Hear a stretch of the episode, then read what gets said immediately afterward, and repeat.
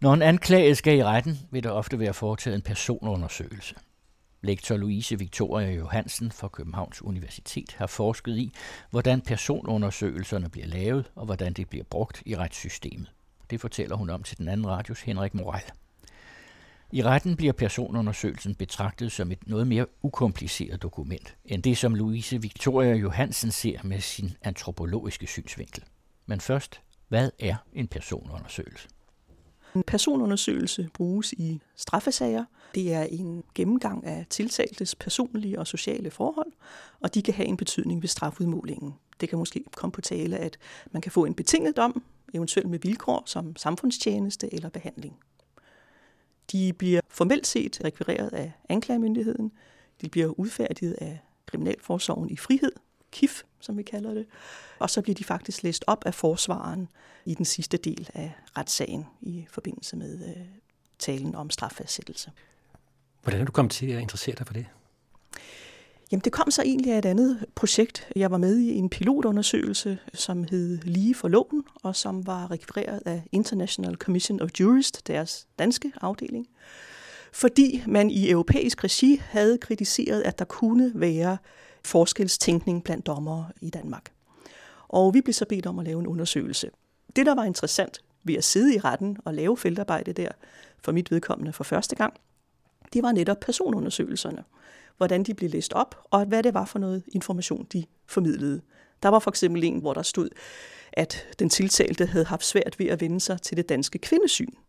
Og det var egentlig en interessant betragtning, for der var ikke nogen kvinder med i sagen. Det var, der var hverken som ofre eller tiltalte. Det var to mænd, der havde været op og slås. Og det, jeg kom til at tænke på, det var, at her formidler man både, at tiltalte ikke er dansk, og at der har været nogle kulturelle forhold på spil, som han lige skulle vende sig til i Danmark. Og det synes jeg var interessant i lyset af det andet projekt, som vi kaldte Lige for loven, at sige, jamen hvad er det egentlig for forskelle, der kan gøre en forskel? Så i stedet for at tale om diskrimination, som jo er også igen juridisk set ganske vanskeligt, så skal man jo påvise, at der helt systematisk begås forskel mellem forskellige grupper. Så var ideen her egentlig at sige, jamen hvad er det for idéer om forskelle og ligheder, som bliver indlejet i dokumenter, såsom personundersøgelsen. Du sagde sådan meget overordnet, hvad en personundersøgelse er. Kunne du prøve at fortælle lidt dybere, hvad den indeholder? Ja, jeg kan også fortælle, hvordan den udfærdiges. Der bliver lavet 10.000 cirka om året af dem. Det sker sådan, at øh, tiltalte bliver indkaldt til en samtale hos Kriminalforsorgen i frihed og sidder og taler med en personundersøger i cirka to timer. Tiltalte kan selvfølgelig sige nej, men øh, det skal siges, at en personundersøgelse ses som et gode, fordi at man netop kan pege på, at vedkommende er egnet til samfundstjenester. Det er jo sådan en god ting at have med i retten. Under den to timer lange samtale kommer man ind på tiltaltes opvækst, uddannelse, økonomiske forhold, boligforhold, familieforhold, sundhed osv.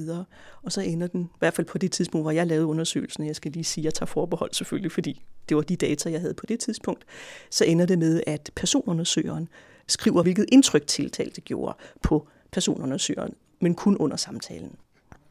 Hvem er det, der laver den personundersøgelse?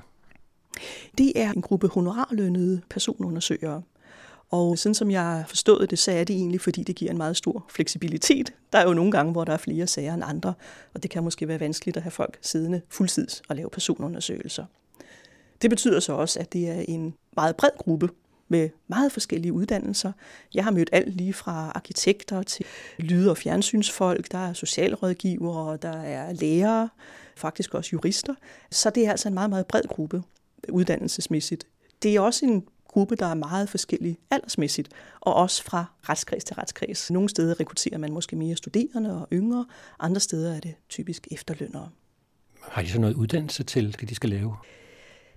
Der var på det tidspunkt, hvor jeg lavede feltarbejdet, en cirka 70 sider lang vejledning, som man fik i hånden. Og så var der nogle steder, hvor man gav halvanden dags kurser øh, om det at lave personundersøgelser, og andre steder havde man egentlig ikke ressourcer til det. Og der måtte folk jo så selv finde ud af det ved at læse rapporten. Og så var der jo den kontrol, at alle personundersøgelser bliver læst igennem af en fastansat bagefter. Og så kan man jo se, om personundersøgeren har forstået det eller ej.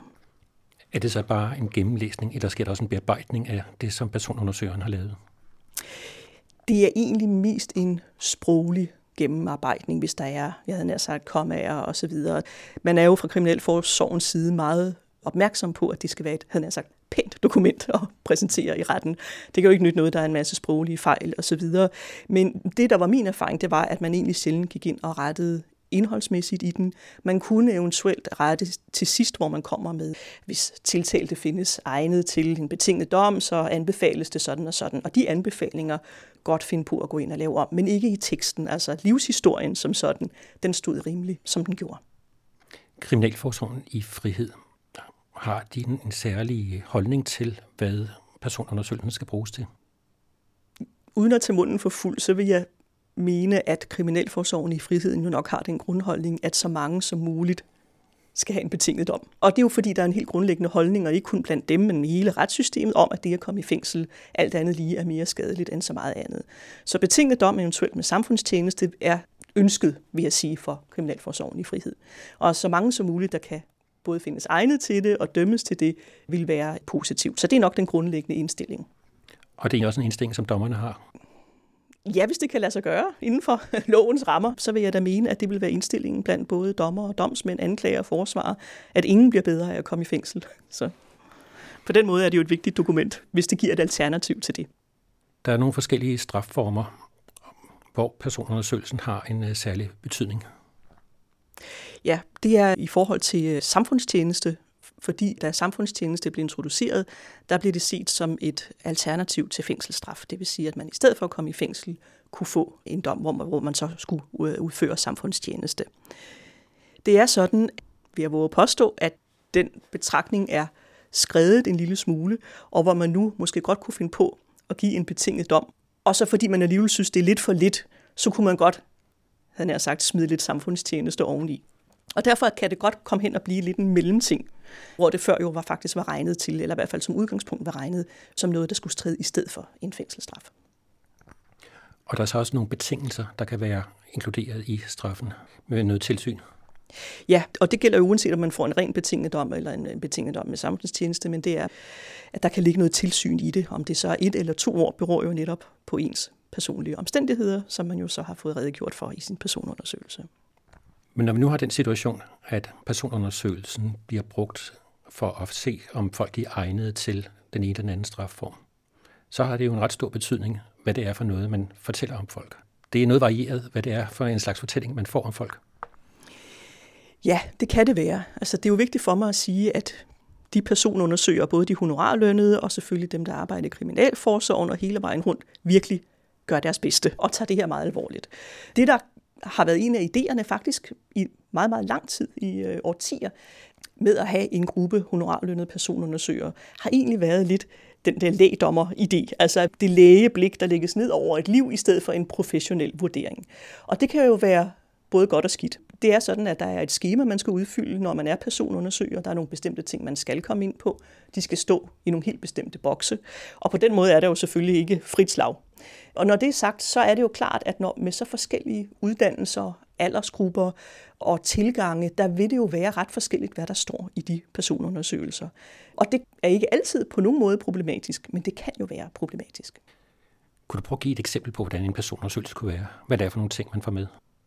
Ja, altså man kan jo øh, lægge ud med, hvordan øh, vedkommende er vokset op i en øh, familie. Der kan man få at vide, om forældrene for eksempel var gift, hvor mange gange man flyttede eller skiftede skole, om øh, hjemmet var velfungerende, eller som der stod i en personundersøgelse, øh, at vedkommende var vokset op i et, jeg tror, der stod mere eller mindre harmonisk hjem, eller opvæksten var mere eller mindre harmonisk. Og så står der ikke mere i personundersøgelsen om det, og så må man jo selv lægge til, når man er dommer, hvad det betyder. Og det viser lidt om, at det virker jo ret lige til at sige, jamen, hvad er en barndom? Men formidlingen af indholdet er jo noget andet. Når vi så kommer fra barndommen, kan det være netop ja, uddannelse, det kan være indstilling til forskellige ting. Det er selvfølgelig også noget med misbrug. Har man alkohol og stofmisbrug? Har man velordnede økonomiske forhold osv. osv. Du startede med at fortælle om, hvordan du sad i retssalen og hørte noget, der fortalte om nogle etniske forskelle. Ja. Men det er ikke noget, der skal med i personundersøgelsen? Altså man har jo en politik fra Kriminalforsorgens side, at religion og politik og seksuel orientering er noget, man ikke kommer ind på i en personundersøgelse. Jeg mener egentlig ikke, at der er eksplicit, da jeg i hvert fald lavede undersøgelsen, var retningslinjer for, hvad man måtte sige om folks kultur eller ikke kultur, men det ville jo generelt være noget, man ikke gjorde hvert fald ikke eksplicit. Men igen, så kan man jo komme ind på det på mange andre måder. Der var en personundersøgelse, hvor det blev sagt, at vedkommende påstår, at han aldrig har drukket alkohol, og han benægter, at det skulle have noget med hans religion at gøre. Og det er jo en meget kringlet måde at sige på, at vedkommende muligvis er muslim. Og igen kan man også undre sig over, hvorfor vi skal vide det. Og det handler det her jo egentlig også om, det der med, hvordan skaber vi viden om folk, og hvad kan og skal vi egentlig bruge det til. Du talte om en harmonisk barndom. Men det er jo sådan en øh, lidt speciel kategori. Hvad er en harmonisk barndom? Ja, og det er jo faktisk været en af de ting, jeg har fokuseret meget på, og også konkluderet på baggrund af, at den livshistorie, som jo egentlig burde være en positiv fortælling, en god fortælling, der kunne bruges forhåbentlig i retten til at få en bedre straf, jo er en ret snæver livshistorie. Det er en livshistorie, der er baseret på nogle værdier, som ja, du og jeg og de honorarlønnede personundersøger og mange andre jo nok vil kunne genkende til, at det er godt. Men der er jo også grupper i vores samfund, der lever helt, helt anderledes. Og det synes jeg, at den personundersøgelse har meget svært ved at indfange. Så det kunne for eksempel være en fra en anden kultur, som lever på en anden måde end os, som har haft en harmonisk barndom efter den kulturs opfattelse, men ikke efter vores majoritetens opfattelse. Ja, det kunne det for eksempel være. Det kunne også være i forhold til sociale skil. Jeg lavede en anden undersøgelse faktisk om varetægtsfængslet, hvor flere af dem havde fået lavet en personundersøgelse, og de var egentlig ret reflekteret over det, fordi som en af dem han sagde, jeg synes, der er meget socialt i det. Hvis jeg siger, at mine forældre, fordi det var netop det med barndommen og den harmoniske opvækst, hvis jeg siger, at mine forældre de sad og drak et par glas rødvin om aftenen, så lyder det hyggeligt, fordi det gør personundersøgeren nok også, eller ved, at det gør man. Hvis jeg sagde, at min far han gik ned på bodegaen hver aften og tog slag billard og drak øl, så lyder det pludselig helt anderledes. Er det så noget, man er opmærksom på, at man har den slags kategorisering som personundersøger og i retssystemet? Nej, det synes jeg egentlig ikke. Altså selve personalet hos Kriminalforsorgen er meget reflekteret over deres arbejde. Men det er klart, at den honorarlønnede persongruppe har jo ikke den samme mulighed for at indgå i en faglig dialog med andre og også få lidt mere hånd om, jamen, hvad er det for informationer, vi skaber selv det skal egentlig også siges, at personundersøgelsen også har en helt særlig status i retten. Den kommer med Kriminalforsorgens stempel. Den bliver taget til efterretning af dommerne. Øhm, de har jo ikke selv mulighed for at vide, om vedkommende har brug for alkoholbehandling eller er egnet til samfundstjeneste. Så de bliver jo også nødt til at stole på den information, der er i rapporten. Jeg oplever ikke, at de øh, sætter spørgsmålstegn ved eller stusser over informationerne. Heller ikke i forhold til livshistorien. Men det er kun en begrænset del af personundersøgelsen, der bliver præsenteret i retten. Ja, det er et resume. Selve rapporten er nok på en 7-8 sider, men øh, det er resuméet, der læses op i retten. Det vil typisk også være det, som dommerne sætter sig ind i, hvor man opsummerer de syv punkter, som det i hvert fald var på det daværende tidspunkt, og så læser man det op. Der kan så være noget taktisk i, om man skal have en personundersøgelse, også fra anklagerens side. Ja, på det tidspunkt, hvor jeg lavede den her undersøgelse, der var det sådan, at man ikke per automatik kunne få en personundersøgelse i voldssager. Og jeg fokuserede netop på voldssager for at sige, jamen, hvornår er det så, man får den, og hvornår får man den ikke. Der var lidt forskellige praksis på daværende tidspunkt, hvor den ene retskreds, der var man mere tilbøjelig til at sige, ja, i voldssager, hvor vedkommende ikke var tidligere dømt, vi indhenter en personundersøgelse. I den anden kreds, der måtte forsvaren lægge sig virkelig i selen, hvis vedkommende syntes, at det var en god idé. Det synes vedkommende måske heller ikke altid. For nogle gange er der måske ikke særlig gode personlige forhold at indhente. Nu snakkede vi om den øh, harmoniske familie. Der er også noget som at være velintegreret. Ja, det er noget, som jeg kun stødt på i fire personundersøgelser, da jeg lavede det her feltarbejde, hvor der stod, at det var en velintegreret familie eller vedkommende osv. osv. Jeg spurgte dommer og anklager, om de havde stødt på det i andre personundersøgelser, og det havde de. Så det var altså ikke kun de fire, men heller ikke overvældende mange. Og det dommeren kommenterede, det var, jamen det tror jeg godt, Kriminalforsorgen, altså KIF, ved, at det kan godt have en betydning i de her sager. Så det er altså noget, man fremhæver som værende godt, at man er velintegreret. Det, der selvfølgelig kunne stille spørgsmålstegn ved, det var, hvordan man finder ud af, om folk er velintegreret i løbet af to timers samtale. Det er også interessant at se, hvordan dommerne faktisk fangede den kode, vil jeg kalde det, og sige, at det her det er godt. Så derfor blev der både fra forsvarens og egentlig også fra dommerens side talt om de her exceptionelt gode personlige forhold, der var. Fordi det var et, tillægger jeg det, særsyn, at vedkommende var velintegreret. Det, det leder mig frem til, det er jo, at man kan sige, jamen var det så bare tilfældigt, at der var de fire, der nævnte det. Det kan bero på personundersøgeren, der har syntes, det var relevant. Det behøver jo ikke være nogen systematisk tankegang. Men man kunne jo også vende den om at sige, at det er jo dokument, der skal vise det gode i folk. Hvis der ikke er noget godt at sige, så kan man jo også belægge det med tavshed. Det vil sige, at vi taler ikke om, når folk ikke er velintegreret. Jeg har aldrig hørt en personundersøgelse, der sagde, at vedkommende ikke var velintegreret.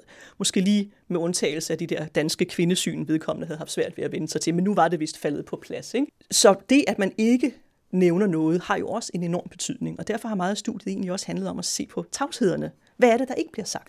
Har man et nogenlunde harmonisk hjem, eller har man slet ikke noget godt hjem, og så kan man måske lade være med at skrive det. Jeg har oplevet, det var en etnisk dansker, hvor der slet ikke var nogen fremtidsplaner. Det plejer der at være i en personundersøgelse. Og da jeg spurgte forsvaren og anklagerne, og faktisk også dommeren senere, så havde de alle lagt mærke til fraværet af den oplysning, og de havde også alle sammen tillagt den, den samme betydning, at han ikke havde nogen. Der bliver også øh, set på, hvordan de reagerer i forhold til personundersøgelsen. Ja, fordi der er jo den sidste boks, som sagt på daværende tidspunkt i hvert fald, hvor personunderen siger, hvordan vedkommende virkede åben og samarbejdsvillig, for eksempel. Hvilket jo også vil sige, at hvis man ikke er samarbejdsvillig, så har man jo ikke noget særligt godt, man kan sige om vedkommende. Men der har også været en tendens til blandt nogle personundersøgere, og det tror jeg jo er noget, man har arbejdet på, at der ikke skal siges fra Kriminalforsorgens side. Det er for eksempel intelligens. Det er noget, som jeg ved, at Kriminalforsorgen gerne vil have ud, men som jeg stødt på ikke sjældent i, i de her undersøgelser. Så der er altså nogle personlige indtryk, man formidler, hvis man nu sidder og stiller spørgsmålstegn ved eller undrer sig over som tiltalt, at man skal fortælle om sin barndom på nogle helt særlige måder, så kan det jo egentlig godt virke lidt fjendsk næsten, eller i hvert fald, at man ikke er samarbejdsvillig. Men det kunne også være en legitim undren. Ja, det kunne det. Jeg skal igen sige, at det er meget vigtigt for Kriminalforsorgen og også for personundersøgerne, at de selvfølgelig ikke får sagt noget negativt om den tiltalte, og det synes jeg også, de gør så meget umage med. Men igen kan det jo godt komme lidt skjult. For eksempel, at vedkommende var nogenlunde samarbejdsvillig at tale med. Og ja, netop når man ser på de spørgsmål, der bliver stillet en om ens forældre, og om de havde noget misbrug, kan jo afhængig af både ens alder, men også ens kultur virke vanskeligt og måske også lidt uforståeligt. Men det indtryk, man så får af den, der bliver personundersøgt, det er så det, der bliver bragt videre til retten. Ja, det er det jo, og det er jo der, hvor rettens aktører jo også må gå ind og tolke på, hvad der står. Netop for eksempel, som jeg nævnte før, velintegreret. Jamen, hvad er det egentlig, det betyder? Hvilken betydning skal vi tillægge det? Jeg overværede en samtale, hvor det var en ung knægt, som ikke var meget for at svare på de spørgsmål, personundersøgeren stillede ham. Og derfor så endte det med, at personundersøgeren egentlig meget venligt og lakonisk skrev, at vedkommende havde været nogenlunde samarbejdsvillig, og det beskrev egentlig meget godt samtalen. Det må man altså give ham. Og så kommer den her øh, tiltalte, den unge mand i retten, og jeg spørger dommeren bagefter, hvad vedkommende fik ud af personundersøgelsen i relation til den tiltalte, som hun havde mødt. Og der sagde hun, hun synes, det passede fuldstændig sammen. Den måde, han sad på stolen på, hun kunne lige se det for sig, hvordan han havde været nogenlunde samarbejdsvillig. Men det viser jo også noget om, at man kan relatere, og at man også som dommer må gå ind og oversætte og forstå, hvad det egentlig er, der står. Men det betyder vel også, at man får kategoriseret folk allerede, før de kommer ind i retssalen, og øh, egentlig placeret i, hvad det er for en type mennesker, og hvad der skal ske med dem. Ja, det er jo det, man kan risikere, og det, jeg synes, der er særligt problematisk, er egentlig, at det dokument altid bliver set som noget virkelig positivt. Og der kunne man jo egentlig godt vente om, som du siger, at sige, jamen, kan det egentlig også virke den modsatte vej? Hvis der ikke er noget godt at fortælle, hvis man har fået fortalt, at vedkommende kommer fra en helt særlig social baggrund, eller har nogle særlige problemer, så kan det jo vende i mange retninger. Du er uddannet antropolog, så du har set på det her med nogle antropologiske briller. Hvad er det, du har gjort?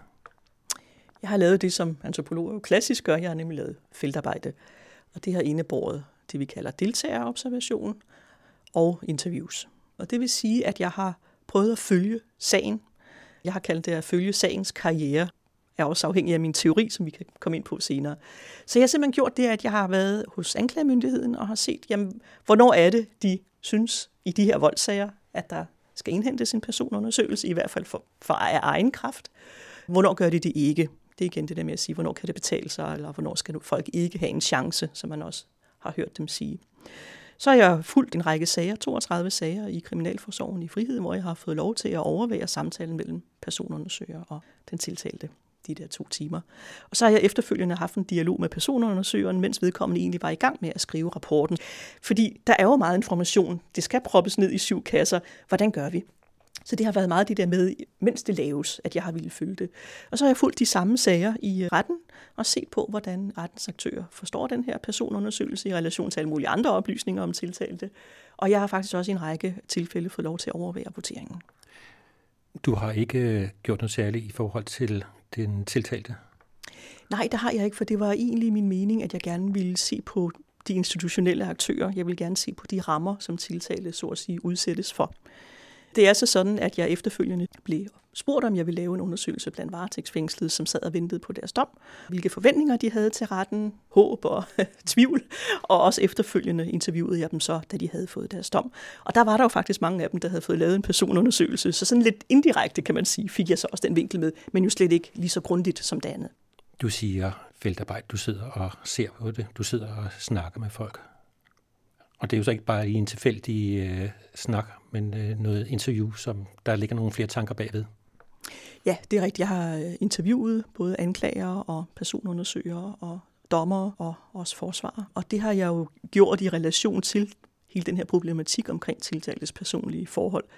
Og jeg vil egentlig også gerne sige, at grunden til det er så interessant med tiltaltes personlige forhold, det er, at nu bliver det jo så ligesom formaliseret i en personundersøgelse i de her sager, men der er jo ikke en eneste sag, hvor tiltaltes personlige forhold ikke bliver nævnt til sidst, uanset om der ligger en rapport eller ej. Den bærer mere troværdighed i forhold til behandlingsmuligheder og alternativer til fængselsstraf, end, end sådan en løs snak, men det er jo altid en del. Det er jo simpelthen noget, man virkelig gerne vil vide noget om. Hvordan har du udvalgt, hvem der skulle være med? For eksempel, hvad det er for nogle øh, former for tiltalte, der skal være med? Altså der har jeg valgt sager. Jeg har valgt voldssager øh, efter paragraf 244, 245, og så endte det med, at jeg også inkluderede røverisager, fordi der selvfølgelig er et voldselement i det, men det, det passede i, i projektet. Og øh, det jeg gjorde, det var egentlig, at jeg ikke udvalgte bestemte typer tiltalte, for det kan jo altid være ganske svært. Så det jeg gjorde, det var, at de sager, som Kriminalforsorgen fik ind i den periode, jeg var der, det var dem, jeg tog. Så der var ikke noget valg fra min side, eller fravalg for den sags skyld. Den viden, man får, det er ikke bare en, der bliver trukket ud. Det er noget, der bliver skabt, siger du. Ja, det gør jeg, og øh, det er jo fordi, jeg egentlig er meget interesseret i, hvordan man skaber viden, der er retlig relevant. Og det virker jo lige frem, når man har en personundersøgelse, så kan man jo læse op og høre og forstå, og så virker det som objektiv viden. Men som du selv siger, så er det jo noget, der er blevet skabt af nogle andre mennesker og i nogle sociale relationer. Det er blevet skabt i en relation mellem en personundersøger for eksempel og en tiltalt. Det er også noget, der senere er blevet skabt i og med, at dommeren må jo få mening ud af et dokument. Deri ligger der jo heller ikke bare noget objektivt, men at det er en relation mellem noget information og så ens egen forståelse af det. Hvordan har du arbejdet med skabelse af viden? Jeg er meget inspireret af Bruno Latour, den franske antropolog og filosof, og jamen, jeg ved snart ikke, hvad han kan. Og han har været meget inspirerende for mig, fordi han netop taler om aktører, også som at ting kan også være aktører. Og det synes jeg er en meget interessant tankegang. Jeg synes, vi har en tendens til ligesom at kunne se på mennesker og hvad de gør, men hvis det er et dokument, så er det bare noget, der er nedfældet, og det er nok rigtigt, og så bliver det brugt et andet sted. Dokumentet skaber jo selv viden. For eksempel, som jeg forklarede før, er der jo kun syv bokse, det kan faktisk godt være et problem for en personundersøger, der synes, at vedkommende har fået noget virkelig vigtig information, men der er ikke noget sted, man kan skrive det. Så på den måde, så, jamen, så skærer man så den viden fra. Det er jo også en form for produktion af viden eller ikke-viden. Så det vil sige, at selve dokumentets form kan faktisk muliggøre eller begrænse forskellige typer viden. Jeg tror også, det er ham, der bruger det der med en karriere. Altså det der med, der er noget, der skabes her, så bruges det et andet sted, og så indgår det i nogle andre sociale relationer. Så hvis man ligesom følger tingen, i stedet for at følge mennesker, som man måske plejer at gøre, så får man et helt andet indblik i, hvad det egentlig er for nogle vidensprocesser, der bliver skabt undervejs. Hvad er det så, der sker undervejs med personundersøgelsen? Jamen altså, hvis man skulle blive i Bruno Latours terminologi, så vil man jo sige, at når personundersøgelsen er skrevet og har fået stemplet på, så er det blevet til en black box. Det vil sige, at der er en masse information indeni, men den kører ligesom videre og er blevet ja, objektiv, et eller andet, der bare er der. Og den kan så åbnes igen af nogle andre aktører, som så selvfølgelig får noget andet ud af den. Hvad har det i betydning i praksis? Jamen, altså, det har jo betydning i praksis, hvis man ikke er opmærksom på den vidensproduktion, der sker, og at man også selv medproducerer viden, når man sidder både og udfærdiger dokumenter og også anvender dokumenter. Jeg synes, det er enormt vigtigt, at man er opmærksom på, at det kan være rigtigt, det der står i dokumentet, det er jeg ikke i tvivl om, men at det er behæftet med en række processer, som gør, at man ikke helt ved, både om det er rigtigt og hvad man skal bruge det til. Rettens aktører, de arbejder meget med common sense og ikke så bevidst i forhold til vidensproduktion og hvad det er for en forståelse, man skal have af dokumenter. Er det noget, du synes, man kan mærke i øh, den måde, det bliver brugt på? Jamen som sagt, jeg forstår jo egentlig godt rettens aktører. Hvad kan de næsten gøre andet end at læse i dokumentet? De har jo i hvert fald ikke mulighed for selv at skabe viden om tiltalte i den ramme, de har og agerer i.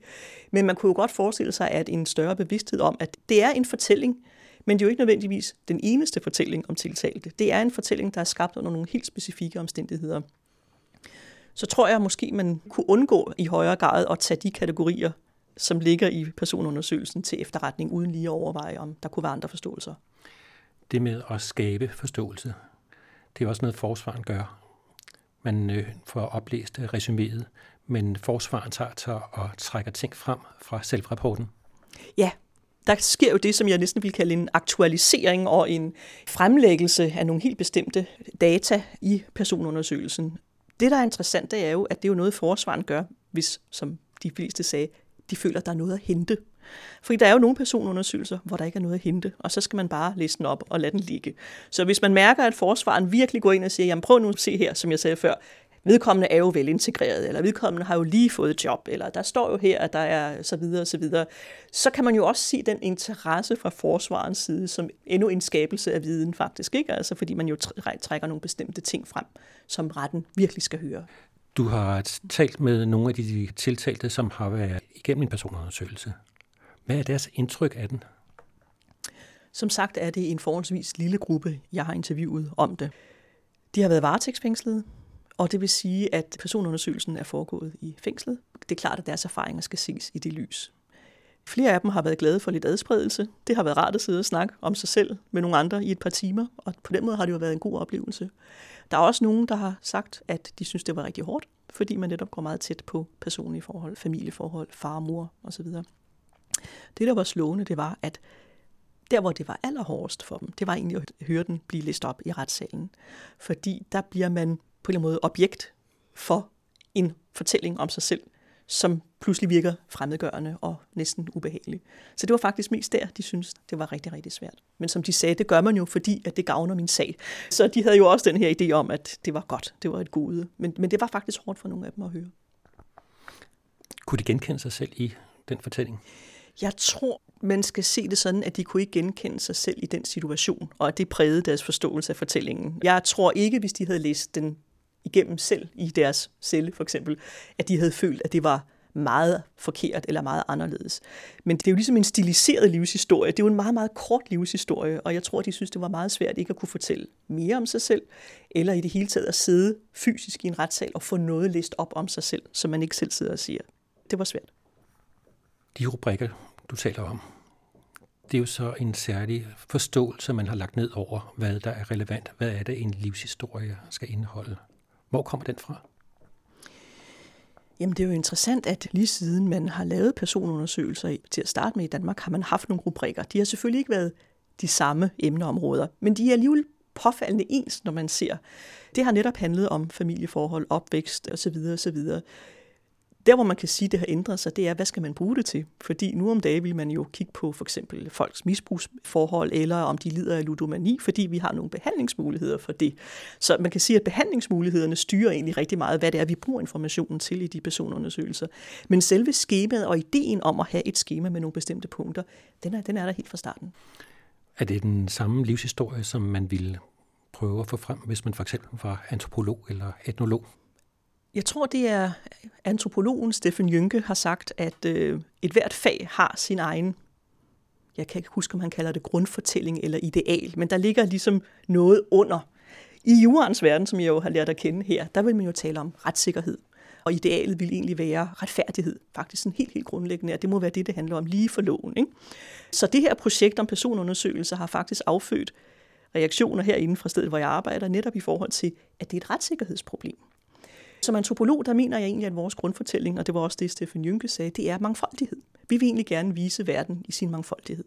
Og der bliver vi jo lidt provokeret af det her schema, og at det ligesom er den fortælling og ikke andre fortællinger, der er. Fordi man jo kan se, at selvom fortællingen passer rigtig fint til nogen, og sikkert også bliver belønnet af nogle andre, så misser vi mangfoldigheden. Vi får ikke øje på mangfoldige livsformer igennem sådan et schema. Og det er så middelklassens norm for, hvad der er den ideelle livsfortælling? Ja, det vil jeg mene, det er. Det er en tryg opvækst, hvor man ikke skiftede skole. Jamen bare sådan noget med at skifte skole mange gange. I personundersøgelsen står der ikke mere end det, men både forsvar og anklager ved udmærket, at det handler om, at vedkommende sikkert har ADHD, som en øh, af forsvaret sagde, fordi ellers ville man jo ikke behøve at skifte skole så meget. Så det er hele tiden det der med, at du kan læse noget ud af de her egentlig forholdsvis trivielle, nærmest lidt uskyldige oplysninger. Og så hele den her idé om, at øh, far og mor boede sammen, for eksempel, bliver der jo også understreget. Det er jo en idé om, at det er det gode liv. Hvad er det, antropologien kan øh, tilbyde inden for sådan en forskning i forhold til for eksempel en juridisk tilgang? Man vil jo først og fremmest pege på metoden, fordi øh, det er jo sjældent, jurister selv går ud og laver den type undersøgelser, som vi gør. Jurister ser jo ofte på, hvad er gældende ret, og prøver at finde ud af det, og det er ganske svært i sig selv, kan man roligt sige. Juraen har jo også grundlæggende en normativ tilgang til sit objekt, fordi man ser på os, hvad retten bør være. Og det gør man jo egentlig ikke som antropolog. Der ser man på, jamen, hvordan virker den i praksis? Altså, hvad gør folk med den? Hvordan oplever de det? Så det er jo et lidt andet fokus, i stedet for at sige, hvad er reglerne? Jeg kunne jo godt have lavet en undersøgelse af personundersøgelser, og have fundet ud af, jamen, paragraf 808, øh, det er de og de sager, det står sådan og sådan og sådan.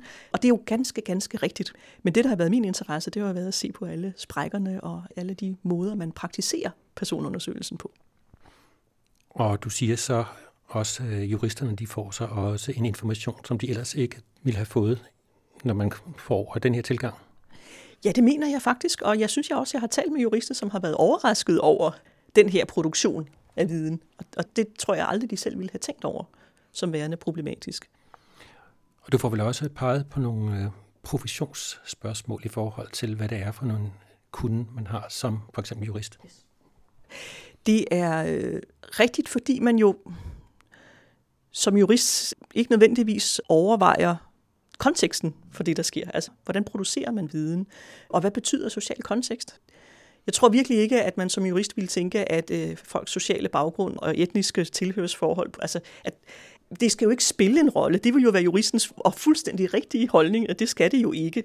Og det gør det jo heller ikke officielt. Vi laver jo ikke to typer personundersøgelser eller fem, afhængig af, hvilken kategori folk er men der ligger jo altså stadigvæk, en, at hvis vi skal forstå den her viden, så skal vi jo egentlig også have den sociale kontekst med. Nu er du ansat her på det juridiske fakultet. Er det så noget, du kan komme til at give videre til de kommende jurister? Ja, det håber jeg jo meget i form af min forskning, og øh, jo egentlig også i form af undervisning. Vi har lige haft et kvalitativt kursus for Ph.D.-studerende i metode, hvor jeg og flere andre herfra, for jeg er jo ikke den eneste, der arbejder sådan her, har netop prøvet at lære dem øh, interviewteknikker, men også fordelen ved deltagerobservationer. Jeg må indrømme, det er mest mig, der slår på det. Men det er jo fordi, jeg synes, det er så utrolig vigtigt at se, hvad der foregår, og ikke bare lade folk selv fortælle om, hvad der foregår, øh, men at man faktisk er med og kan se det, andre ikke selv kan se, for det er jo sådan med vores kultur, det er det, vi ser med, men vi ikke selv får øje på. Nu er du antropolog her på fakultetet, men øh, det er også et øh, fagområde i sig selv. Anthropology of Law eller retsantropologi. Ja, det er rigtigt. Og øh, det har jo en lidt problematisk klang i en dansk kontekst, for hvis man googler retsantropologi, så kommer man ind på retsmedicin med det samme. Så det har altså en, øh, det er en biologisk sådan, forensic uddannelse i Danmark. Derfor er det op ad bakke at kalde sig retsantropolog i en dansk kontekst. Så jeg vil egentlig hellere sige det der med, at man laver antropologiske studier af retten. Det er det, jeg ser mig selv som gørende. I en udenlandssammenhæng, der er retsantropologi, det har været noget sådan fuldstændig grundlæggende for antropologien, interessen i andre kulturers retssystemer. Det begyndte med sådan en meget evolutionistisk tankegang om, at man simpelthen kunne se, hvor raffinerede folks kulturer var afhængig af deres retssystemer. Og der scorede indfødte folk jo ikke ret mange point, kan man sige, fordi at de jo ikke havde det her formaliserede retssystem, som åbenbart var idealet. En af altså, de store fædre inden for antropologien, Bronislav Malinowski, som jo også øh, simpelthen opfandt ideen om deltagerobservation. Han var den første, der skabte det under Første Verdenskrig. Han tog til Australien og endte af mange forskellige grunde i Melanesien, hvor han lavede et langt feltarbejde om trobrianterne. Og noget af det, han så på, det var faktisk deres måde at regulere adfærd på. Altså, hvordan regulerer man egentlig socialt set den måde, folk er over for hinanden på, og som han sagde, de havde ikke politi, de havde ikke noget som helst, men det lykkedes dem at opretholde et egentlig meget velfungerende samfund. Så på den måde har studier af ret egentlig spillet en enorm stor rolle for antropologien tidligere. Det fylder mindre nu, og jeg vil sige, at selv i udlandet, anthropology of law og legal anthropology, hvad man nu kalder det, er jo ikke sådan, måske de mest kendte øh, områder af antropologien. Og det er så senere kommet til også at handle om øh, antropologernes egne samfund? Ja, det er det. Det var det, man kan sige, at antropologerne vendte hjem. Og der har det jo egentlig været projektet grundlæggende, hvor det, det at tage ud i det fremmede, der kunne man sige, der var projektet at gøre det fremmede velkendt. Ligesom Malinowski gjorde ved at insistere på, jamen de har også ret. Det er bare en anden form for ret. Og der har projektet måske været, når man vender hjem og siger, jamen vi bliver også nødt til at gøre det velkendte fremmed. Og det er egentlig også det, det handler om med den her personundersøgelse, som kan tages fuldstændig bogstaveligt, og der er ingen, der tænker en tanke omkring det, men vi bliver nødt til at gøre tingene fremmede for os selv. Vi bliver nødt til at kaste et lidt eksotisk blik på vores egne praksiser, og det er det, jeg mener, det må være rollen, når man laver studier i eget samfund også. Hvordan er faget så i Danmark?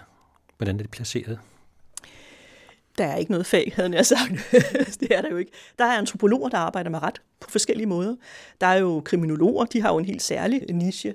Så er der nogen, der måske pludselig for eksempel kaster sig over arv. Hvad betyder arv egentlig? Det har en helt specifik juridisk mening, men hvordan relaterer den juridiske mening sig egentlig til sociale og familiemæssige praksiser? Så er der øh, antropologer, der har øh, lavet studier af det sociale klagesystem. Det er Turf Bøger. Så det behøver ikke være kriminologi, men det kan det være. For mit eget vedkommende mener jeg jo heller ikke, at det her projekt om personundersøgelser var kriminologisk. Jeg er jo ikke interesseret i kriminalitet som sådan, eller øh, årsager og, øh, til kriminalitet, men egentlig mere interesseret i at kaste et antropologisk blik på en retlig praksis. Hvordan er det så i forhold til retssociologi? Grænserne mellem antropologi og sociologi har jo traditionelt været det, at sociologerne lavede studier af egne samfund, og antropologerne drog ud og så på det eksotiske. Og det er jo ikke det, der sker nu. Det har også været sådan, at antropologien jo var dem, der introducerede ideen om feltarbejde, altså især deltagerobservation osv. Så, videre. så det har jo altid været en mærkesag for antropologer. Men der er jo også sociologer nu om dage, der bruger det som metode. Men det er klart, at, at sociologer nok i, i større grad end antropologer, det kan man roligt sige, bruger også kvantitative metoder. Det er ret få antropologer, der egentlig gør det. Så der er altså et metodisk spørgsmål. Man kan spørge sig selv, om der også er nogle analytiske blik, der kan variere, og jeg vil meget nødig være meget kategorisk og sige, at det gør den ene altid, og den anden part gør det aldrig, men det er selvfølgelig noget med de spørgsmål, man stiller. Der kunne være en tendens til, at retssociologien fokuserer også altså meget på institutioner og på magt, det kunne antropologer sagtens finde på at gøre. Jeg har også selv gjort det i et vist omfang. At man også inddrager andre aspekter. Det kan være rummelighed. Hvad betyder rum? Det kan være øh, en del af mit phd projekt handlede også om, hvad rolle følelser spiller for en retssag. Og vi kan godt nogle gange komme ud i nogle analytiske områder, hvor vi er en lille smule forskellige. Men som sagt, grænserne er flydende. Så der er også noget teoretisk, der kan være forskel? Ja, men det er jo interessant, at vi efterhånden drager meget på de samme teorier, altså sociale teorier. Og Bruno Latour er jo ikke begrænset til en antropologs blik. Det er jo i lige så høj grad en sociolog, der kunne have glædet af det. Vi bruger Bourdieu, ja, hvad kategoriserede han så egentlig som nok, nok først som antropolog, men nok senere som sociolog. Ikke? Så jeg tror ikke, det er der måske. Jeg kan i hvert fald sige, som antropolog har man en øh, tendens til at arbejde sådan, at det empiriske hele tiden kobles til noget teoretisk i et eller andet form for mellemniveau, analytisk set mellemniveau, som jeg mener er ret karakteristisk for os. Altså det er ikke empirien, der står alene, en hel masse data, sådan, og det er heller ikke noget super teoretisk, hvor de empiriske eksempler bare bliver brugt til egentlig at forklare noget, der er større eller mere teoretisk. Vi havner på et eller andet mellemrum der. Forskning, det er jo andet end metode med at hente data ind. Ja, fordi det er jo også noget med, hvad man gør ved dem bagefter. Hvordan analyserer du de data, du har fået ind? Det er jo faktisk lidt ligesom personundersøgelsen. Man tænker, man får en masse data ind, og så er det der bare. Jeg synes, det er utrolig vigtigt, at man, når man bruger kvalitativ data, gør sig overvejelser om, hvad de skal bruges til, og jeg mener egentlig også det, der er det antropologiske blik, at man øh, faktisk går ind og i selve analysen får videre bearbejdet data og kommer frem til noget andet end bare den empiriske fortælling.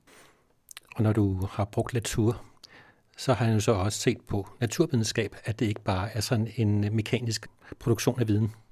Ja, lige præcis, og det er jo så interessant, at han fik lov til at være med i et laboratorium og se på, hvordan videnskabsfolk egentlig skabte viden, hvor han jo viste, at modsat hvad de måske selv troede, at det nemlig kun handlede om målinger og instrumenter osv., så, så var deres snak undervejs, også meget uformelle snak i virkeligheden, lige så meget med til at skabe de data, som de så tillagde vægt til sidst.